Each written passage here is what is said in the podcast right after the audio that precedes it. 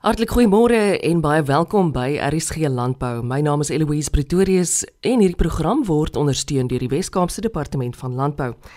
Die roem van suiwelkenners in die land het onlangs in Durbanville byeengekom vir die beoordeling van die 190ste Suid-Afrikaanse suiwelkampioenskappe, die grootste en oudste suiwelkompetisie in Afrika. Altesaam 929 produkte van 71 Suid-Afrikaanse suiwelvervaardigers het oor 2 dae by eensgesind onthaallokaal om die aandag van 80 beoordelaars meegeding. Die wenners van die gesogte SA Kampioen Kwaliteit en Produk van die Jaar toekenninge sal op Donderdag 25 Mei 2023 tydens die SA Suiwel toekenninge ook by eensgesind aangekondig word. Graham Sutherland is 'n suiweltegnoloog.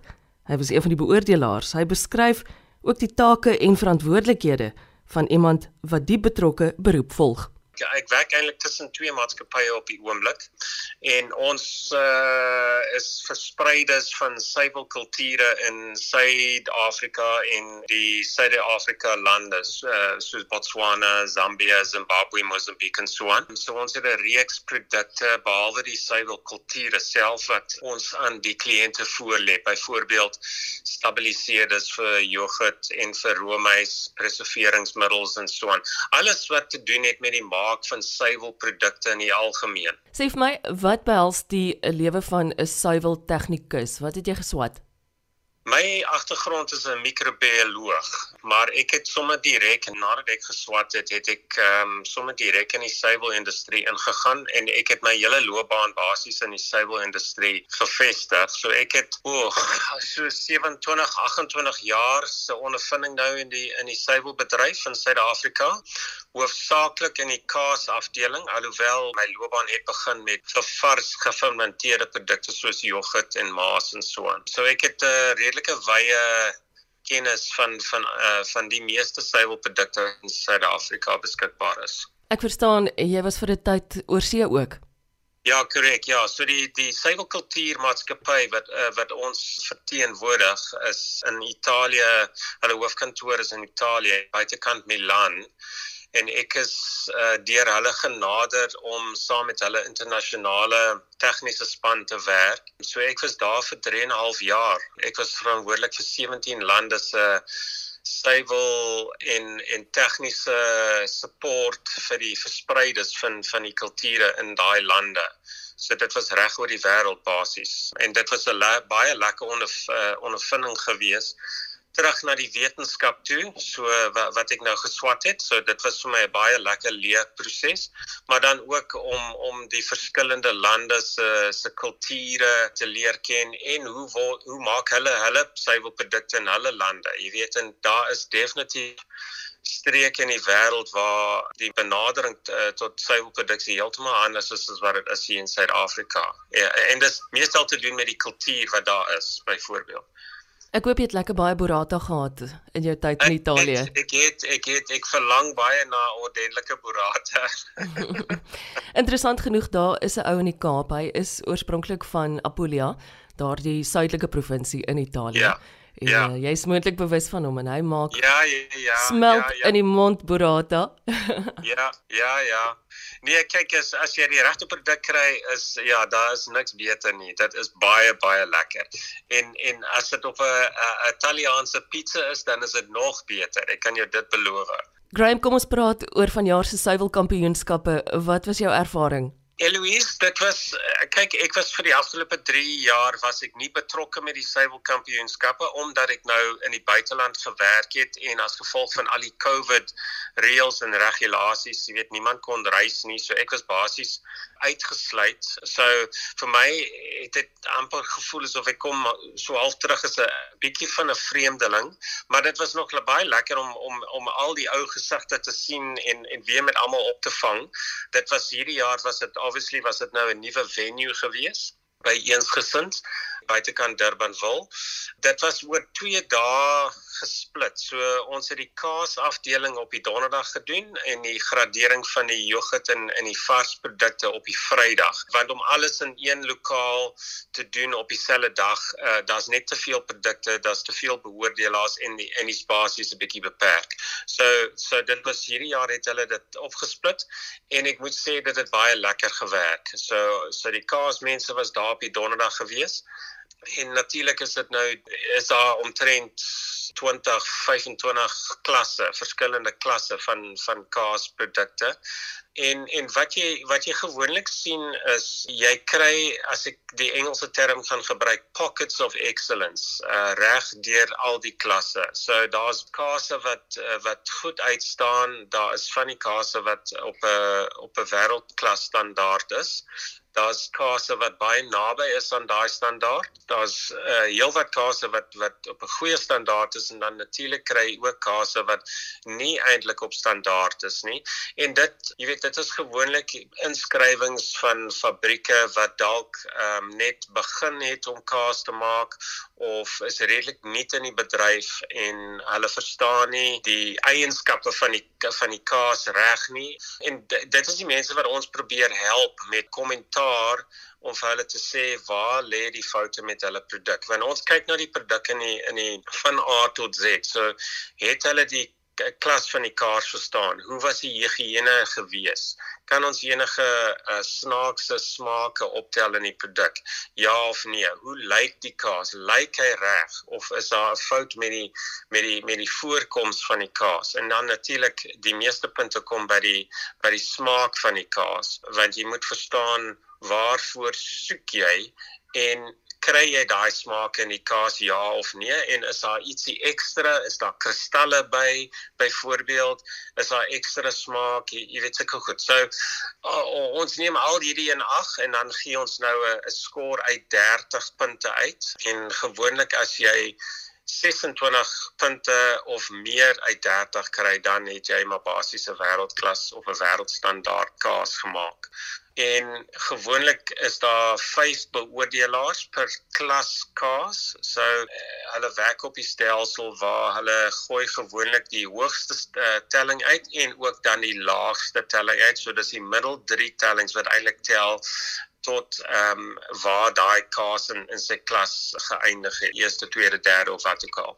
So dis 'n redelike goeie proses wat wat ons handhaaf en natuurlik behalwe vir myself is daar ander beoordelaars wat ook internasionaal kaas oorsee gejudge het. So jy weet daar's 'n handjievol van ons wat redelike goeie ondervinding het en natuurlik is dit ook ons verantwoordelikheid om die ander beoordelaars, jy weet, op te lei en en en vir hulle te guide om seker te maak dat die beoordeling word reg gedoen en en die kaas dit word regverdig gedoen en die kaas kry nou al die skoor wat wat die kaas verdien as ek dit so kan stel. Wat was vir jou opvallend anders aan die produkte by van die jaar se suiwelkampioenskappe? Eloise, dit's uh, ek dink die suiwelindustrie in Suid-Afrika op die oomblik is is uh, gaan deur 'n baie moeilike fase. Jy weet, uh, daar is 'n vers, uh, verskeie is daar tekort aan melk. Ek kry oproepe van fabrieke kan ons nie hierdie produk uit poeiermelk maak byvoorbeeld nie. Jy weet, uh, daar is net nie genoeg vars melk beskikbaar nie. So hierdie jaar is is 'n is 'n redelike moeilike jaar vir die bedryf. Wat ek wel kan sê is die die goed gevestigde fabrieke, uh, hulle kwaliteit is is baie meer op die regte standaard as ek dit so kan stel. De, waar waar ek sien die die die grootste probleem is met die met die kleiner of die kleinskaal vervaardigers waar jy weet hulle het nie toegang tot generate standby generators byvoorbeeld as die krag trip nê nee, en jy's nou besig om 'n badkaas te maak. Nou moet jy nou die badkaas klaar maak byvoorbeeld maar jy jy het nie krag vir vir die roer van die kaas of die die tap van die wy en so aan. Jy weet so nou moet alles nou met die hand gemaak word. So die kleiner ouens met een of twee exceptions sukkel 'n bietjie uh en en jy jy kan dit sien in die in in van die kwaliteit van die produkte wat ingeskryf word. Dit is eintlik baie jammer want uh, jy weet om om kaas te maak is 'n passie. en en dit vat baie effort en toewyding om 'n ordentlike of 'n goeie kaas te maak. En vir my, I mean, ek het 13 klasse kaas gehad wat ek moes beoordeel en dit is reg deur van sagte kaas na semi-hard en harde kaas en witskimmel en blouskimmel kaas en so 'n bokmelk kaas en so 'n teen die einde van die dag is jy maar redelik moeg geproe. Ek moet ek moet vir jou sê dit is 'n dis 'n uitputtende dag. Dit is dit is net altyd so 'n lekker dag want die een ding wat vir my uitstaan is die kreatiwiteit van van die kaasmakers. Die manier hoe hulle die kaas nou voorlê in terme van die voorkoms van die kaas. Dit laat jou toe 'n bietjie kuns as jy as jy 'n bietjie van 'n van 'n van 'n kuns inspirasie het en, en dit laat jou toe om dit nou daar sommer daar met jou produkte voor te lê en jy kan sien hoe van die mense doen baie moeite met um, met hulle inskrywings en jy weet byvoorbeeld met verskillende krye of dit word nou met sjokolade bedek of met rooi wyn of port of al hierdie interessante kombinasies en dit is dit is altyd lekker want jy weet nooit wat gaan jy eintlik proe. Jy weet en jy kry altyd een of twee verrassings wat uitstaan en jy dink vir jouself sjoe maar dit was nou 'n baie baie lekker kaas. En dit was nou 'n unieke kombinasie van krye of tegnieke wat gebruik was om die kaas nou te maak. Jy weet, so dit is jy kry altyd een of twee lekker verrassings en en en ek is nog bly om dit te sien nie. Ons het nog nie ons kreatiwiteit verloor nie. Dit is altyd 'n uh, groot prestasie om as 'n as 'n klaswenner of as 'n 'n kwaliteit wenner of as die produk suiwelproduk van die jaar wenne aangekondig te word is is 'n absolute is 'n groot eer die die mense moet weet, jy weet hulle is deur 'n streng beoordelingsproses, okay, met goed opgeleide beoordelaars. Dit is die topprodukte in die land basies en die wenners kan absoluut trots wees op die produk wat hulle ingeskryf het en die en die scores wat hulle bereik het. Dit, dit is daai toekenninge wat nou vir vir hulle besighede baie kan beteken in terme van bemarking en ook erkenning vir die mense en en hier hier praat ek nou van almal wat betrokke is by daai spesifieke fabriek. Jy weet, eh, dis dis gewoonlik net die kaasmaker wat daar op staan en en en die toekenning gaan haal, maar eintlik gaan dit oor die die mense wat in die agtergrond ook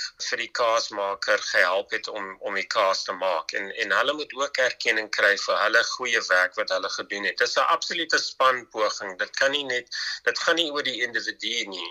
En ek sien dit nou uh, met die afgelope paar kampioenskappe. Ek praat nou voor voor Covid nou ingespet, maar jy weet uh, van die van die fabrieke het nou baie meer van hulle mense, gewone mense ook na die diner toe gebring en sodat hulle nou die erkenning kan kry en dit was dit was altyd 'n baie lekker ding gewees. So as as jy nou aangekondig word as 'n wenner, dan sê ek vir julle wel gedaan. Julle het dit uh, julle het absoluut verdien.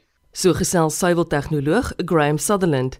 Lucas Burger boer met boerbokke buite Griquastad in die Noord-Kaap. Die verbetering in kommersiële beskikbaarheid van bokvleis kom onder bespreking, ook met moontlike oplossings in die verband. Nou kyk, boerbokvleis is vir my heerlik. Dink jy dit sal kommersieel meer beskikbaar raak in Suid-Afrika?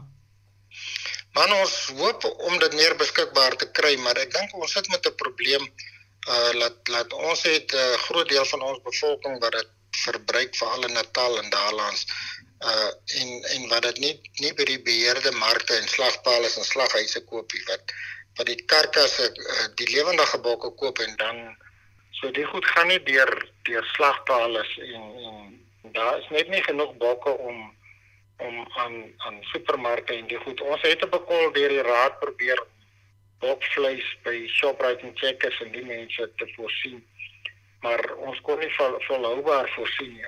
En dit is maar die rede hoekom hoekom dit nie volop beskikbaar is in in supermarkte en vir die daar sou hier en daar winkels af dit wat lyk net 'n bietjie aanhou en so maar maar dit is nie op uh, groot beheerde vlak nie. Aan wie lewer jy persoonlik die meeste? Man, ons deel maar so saaklik soetbokke, so uh ons meeste van ek wil sê 90% van ons bokke gaan gaan as ander teeldiere en nie slagdiere nie. So al wat ons bietjie slag is is, is 'n paar prille netjies wat nie goed genoeg is nie en hier en daar ooi bokkies wat nie goed genoeg is nie. Hulle gaan maar hoofsaaklik uh, Durban toe, Natal toe. So dit word ook nie deur slagpale se goed geslag nie. Maar ons teel hoofsaaklik uh eh, aanteeldiere en teeldiere en en ons uh my filosofie van die begin af was om om ramme en oeye te teel vir die topstoetery in Suid-Afrika en die wêreld. Dit is swaar my uitgangspunt gewees en en ek het gevoel as 'n mens dit kan doen dan dan sal dit jou aanspoor ook om om goeie kwaliteit diere te teel. Man ja, ons het nou al rekordpryse gekry en swaan. Dis nie dat ons rekordpryse jaag nie, maar ag ek dink net ek teel die bokke vir 44 jaar ek persoonlik nou al. En uh dan is dit mos nou vir 'n mens lekker as jy as jy na al die jare se harde werk uh goeie beloning kry. Ja, ons het 'n paar bokke, ons het vir Maserati verkoop. Ons het daarna vir Mokka verkoop en ons het nou die dag daai Porsche Ram verkoop vir vir die meeste van Suid-Afrika wat ek van weet. Maar uh ja, ons probeer regtig om topdiere te teel en en om omdat ons dit teel en en heel moontlik reg kry, is dit goed baie gewild by ander stoeterye en en ander mense. En dan het jy al soveel pryse ook ingepalm. Ja, ons gou ons ons eerste Suid-Afrikaanse kampioenskappe geskou in 1986 met vier bokkies en ons het twee plekke gestaan en toe in 88 op Graafrenet geskou en toe ek saam met 'n ander ouetjie die vierde meeste punte gehad en toe in 1990 het ons die meeste punte gehad en sedert 1990 het ons nog nooit laer as tweede meeste punte gehad nie. So waarvan die meeste jare ons die meeste gehad het in in, in Suid-Afrika. So ag ons doen regtig baie goed met die bokke en baie gelukkig hierdie jaar. Ja ek het al dink 8 keer die SA kampioenskappe beoordeel. Daai 8 keer het ek nou nie geskou nie maar al die ander jare het ons geskou. En maar ja ons ons het regtig baie baie goed gedoen met die bokke en en ons het ek het embryos uitgevoer in die beginjare Kanada toe en ingeplant daar in bokke en dan daarna van Amerika toe Ek het 'n slag bokke embryos uitgevoer Australië toe en daar geplant dat die bokke lam en sy lammers 3 maande oud is dit oorgevlieg Amerika toe. Of ek het al kampioene gehad in Brasilië en Amerika en Australië. En uh ag dit maak my baie trots as jou genetika in ander lande baie goed. Lukas, ek verstaan hierdie diere kan nogal wintie wees. Bokke het nogal 'n houdingkie. Jy gee vir hulle die wonderlikste name. Vertel my tog daarvan. Ja, vir Louise, die name raak ook maar 'n probleem. In die begin was dit makliker om meer die bokke is raak die nader aan die naam uit. En uh dit is nou maar begin naderhand met Hilux en uh Hilux het toe nou uh, Fortuner en Fortuner het nou uh jy weet nou so opgegaan en dan kom jy nou by Ferrari en Maserati en soos die bokke beter word word kry hulle nou 'n beter kar se naam. En dan weet ek die goeie karre raak nou op. So ons gaan seker nou weer nader aan Volkswagen begin op die Mini Cooper of sê ek weet nie. Maar sommer sien maar ons sien nou maar so Pano Ferrari was as jy sien nou Maserati en Maserati se is nou weer sien nou maar wat ook al weer 'n ander soort kar so so ons gaan nou maar so aan en, en ander lyne het nou weer ander name. Maar dit skryf dit nou nie altyd reg dat jy nou laat in dieselfde bloedlyn dit nou die ook maar 'n kar naam as jy sê sommer weer 'n ander naam ook so. Die name kom ook maar so soos ons nou die môre in die gemoed waarin jy is, jy weet. So as 'n nuwe ram gebruik word dan gee sommer 'n nuwe naam. So so die name raak maar moeilik en min. Lukas Burger boer met boerbokke buite Griquastad in die Noord-Kaap. Josef Barnard is direkteur tegniese dienste by die Witzenberg munisipaliteit. Hy verduidelik hoe die plaaslike boeregemeenskap self ingespring het om die ernstige uitdagings wat watertekorte veroorsaak te hoof te bied. Watter omgewing sluit die Witzenberg munisipaliteit alles in? Die hoofdorpe Ceres, uh, Prins Alfred Hamlets, Bella Vista, Tilburg, Woolsley en dan ook uh, op die berg. Nou, Josef Witzenberg munisipaliteit ervaar op die oomblik 'n ernstige watertekort. Ek wonder wat het aanleiding gegee daartoe?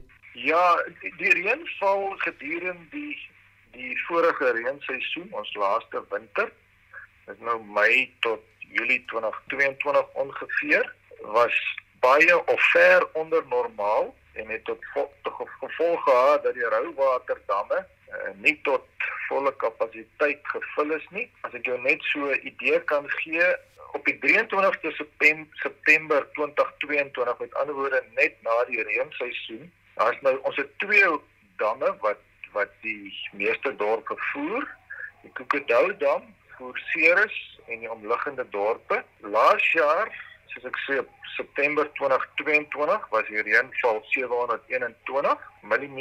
As jy dit vergelyk met die vorige jaar se kumulatiewe reënvalle is dit 1269. Dis 'n geweldige afname. As jy nou weer kyk na die Tulbagdorp, die reënval die vorige winter gemeet op soos op 23 September 2022 was dit ongeveer 182 mm vergelyk dit met die jaar voor dit 379 mm. So jy kan sien die reënval het geweldig afgeneem en dit is die groot rede hoekom ons uh, die water tekort tekorte het grootendeels in in Tulbag waar ons 'n geweldige 'n watertekort ondervind. Jose, wat is die huidige stand van sake ten opsigte van waterbeperkings en beskikbaarheid van drinkwater in Witzenberg? Ja, so miskien sal ek eers met Taalbag begin. Dit is ons die dorp waar meer probleme het. Soos op vandag, het Taalbag vlak 4 waterbeperkings. Dit beteken daar's 'n ernstige gevaar van 'n watertekort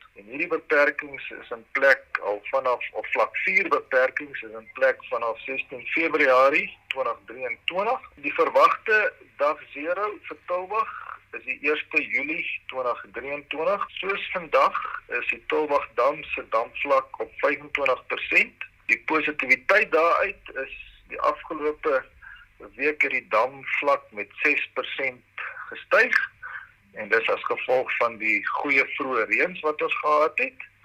As ek dan net vlugtig die Kokodou dam se inligting ook kan weergee, ons het daar waterbeperkings vlak 1 vanaf die 1 Mei 2023 en hierdie is 'n matige gevaar van watertekort.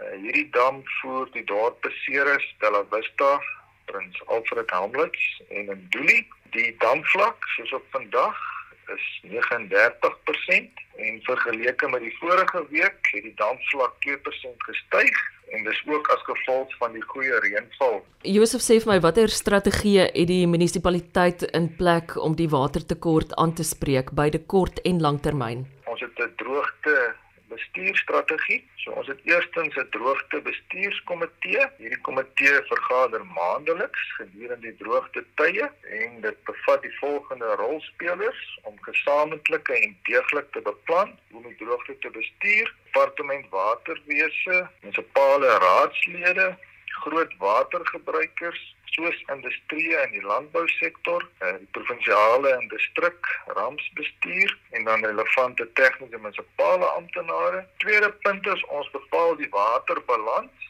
deur die waterbeskikbaarheid en watergebruik te moniteer en ons moniteer die water netwerk intensief vir watervermorsing, groot watergebruikers word geïdentifiseer en ons het vergaderings met hulle op 'n gereelde basis om waterverbruik af te bestuur en ons doen weeklikse weeklikse monitering van watervlakke en die lewering van boorgate. En die derde punt, eh, die status van die waterbeskikbaarheid word duidelik geaksepteer in alle relevante dorpe deur middel van media veldtogte wat insluit ons het groot waterinligtingborde, plaaslike koerant advertensies en artikels, internet en sosiale media pamflette, ons besoek skole, ons het nuusbriewe en dan soos vandag gebruik ons ook die radiostasies en dan het ons die vierde punt bedryfsintervensies. Ons maak skoon en ons onderhou al ons onttrekkingspunte. Ons doen dorpsgebaseerde intervensies. Met ander woorde, al die munisipale spanne word saamgegroepeer en gaan na die dorp toe waar die beperkings of die droogte is